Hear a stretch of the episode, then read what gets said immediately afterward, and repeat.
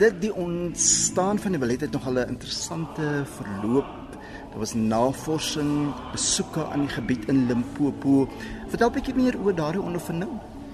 So toe ek die eerste keer besluit het dat ons 'n reg Suid-Afrikaanse Afrika ballet wil doen en toe besluit het op die storie van die goue renoster van Mapungubwe het ons beslis nie genoeg geweet van die kultuur, van die mense, van die omgewing.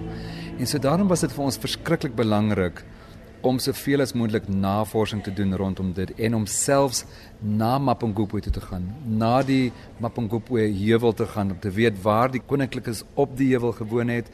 So jy kan dit net ervaar deur self daar te wees.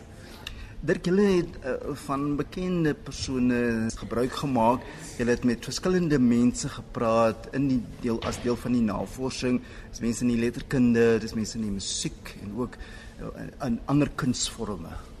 So die belangrikste vir my oor, oorspronklik was om die ballet wanneer ons wel na die geskiedenis verwys, seker te maak dat ons dit reg kon kry. So een van die eerste mense was om met Kolelwa Kashekatye by die Mapungubwe Institute for Strategic Reflection te praat en sy doen haar meestersgraad en nou haar doktorsgraad oor die hele projek.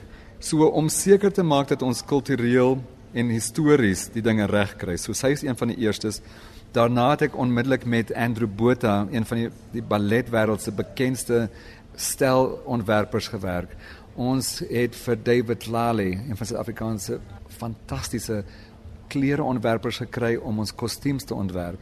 Ons het met professor Wally Sorotti, Suid-Afrika se poet laureate, gewerk om ons te help om daai aspek van die ballet aan te spreek want ons gaan vertelling in die ballet hê. Ons gaan 'n gedeelte van sy gedig in die een van sy gedigte in die ballet inwerk.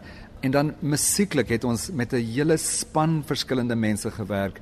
Mpomori King, Volin Chabaleng, Matthys van Dijk, Cara Stacy.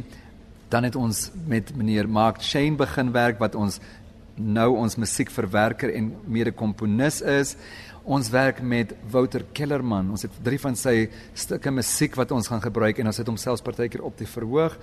En dan het ons ook meneer J.S. Kosa, 'n baie baie bekende koorkomponis waarvan ons ook drie van sy in die in die ballet inwerk. So die eerste openingstoneel is een van sy stukke en dan het ons een van sy ander werke uh van Van Karsle wat as die ballet klaar is op die einde en die mense begin uitstap dan speel dit want dit is 'n 'n stuk musiek wat geskryf is om jou seën toe te wens op jou reis terug huis toe. So dit was vir ons belangrik om soveel van ons ryke Suid-Afrikaanse kultuur in hierdie ballet in te bou. Dis nie die eerste keer dat daar 'n nuwe ballet in Suid-Afrika geskep word nie, maar dit is een van die eerste kere wat ons so eg Suid-Afrikaanse storie kan doen waar die musiek vir ons gekomponeer en geskryf word en aangepas word. En dit is vir ons wonderlik om in 'n plek te kan wees waar jy kan sê ek wil 'n bietjie korter hiervan en 'n bietjie langer daarvan en dit kan gebeur. Daar by die bekendstelling het ek gesien was daar wonderlike, pragtige, fantastiese en baie interessante eh, projeksies op die agterste muur gegooi. Gaan dit deel wees van elke uitvoering of was dit net vir ons wat nou uh, die bekendstelling bygewoon het? Nee, die projeksies wat jy gesien het is inderdaad deel van die stelle deur Andrew Botha en dit gaan dan deel vorm van nog stelle wat by gaan kom.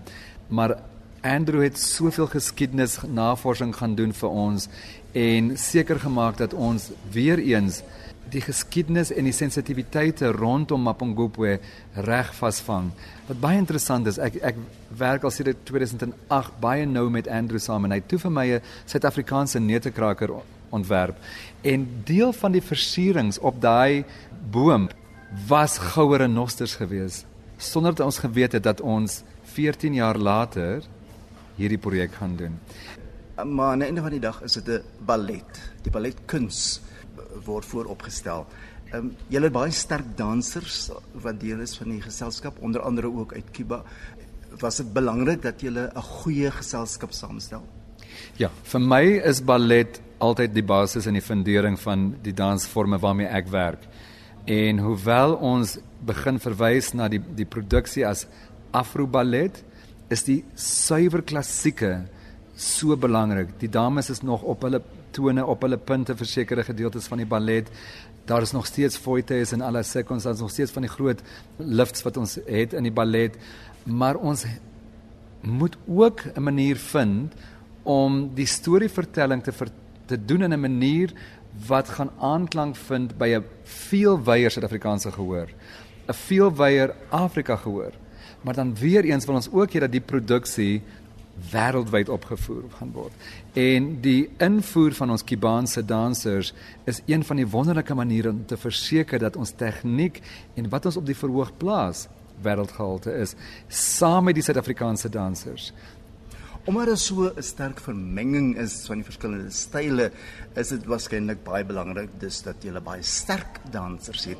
Dansers wie se tegniek baie goed is. Maar was dit moeilik met die koreografie om al hierdie verskillende style te gebruik die presiese een op die regte plek? Ek dink dit is nog deel van die reis is om seker te maak dat ons nog hier en daar dinge moet aanpas, verbeter, regkry. Ons het byvoorbeeld werkswinkels gaan doen in van die landelike gebiede van Suid-Afrika om met die kinders en die gemeenskappe te werk sodat ons terugvoer kan kry van hulle af om van daai forme in die teater in te bou, in die produksie in te bou en dit goed te kan vermeng met die klassieke ballet. Maar op die ou einde is die tegniek waaroor alles gaan.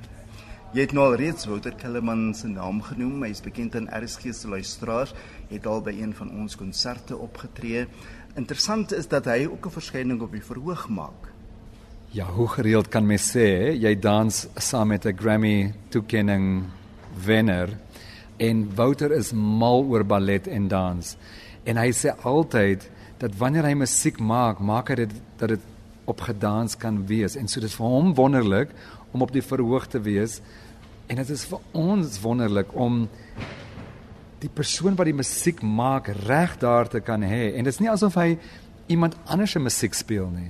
Hy speel sy eie musiek wat hy self gekomponeer het met sy orkes en hy hy word tot 'n sekere mate deel van die storie so as ons byvoorbeeld dink dat in die Afrika kultuur word die die kudu horing of die eland horing gespeel om sekere inligting bekend te stel in die gemeenskap.